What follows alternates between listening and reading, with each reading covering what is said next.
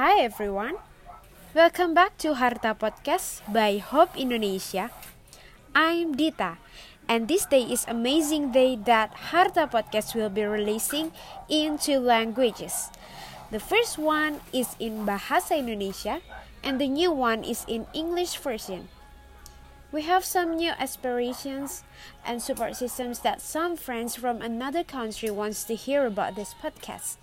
Also, we hope that Harta's listeners can take the advantages and learn good things or stories from this podcast. Hope you enjoy the podcast. Salam. Hope Indonesia. One share, one life.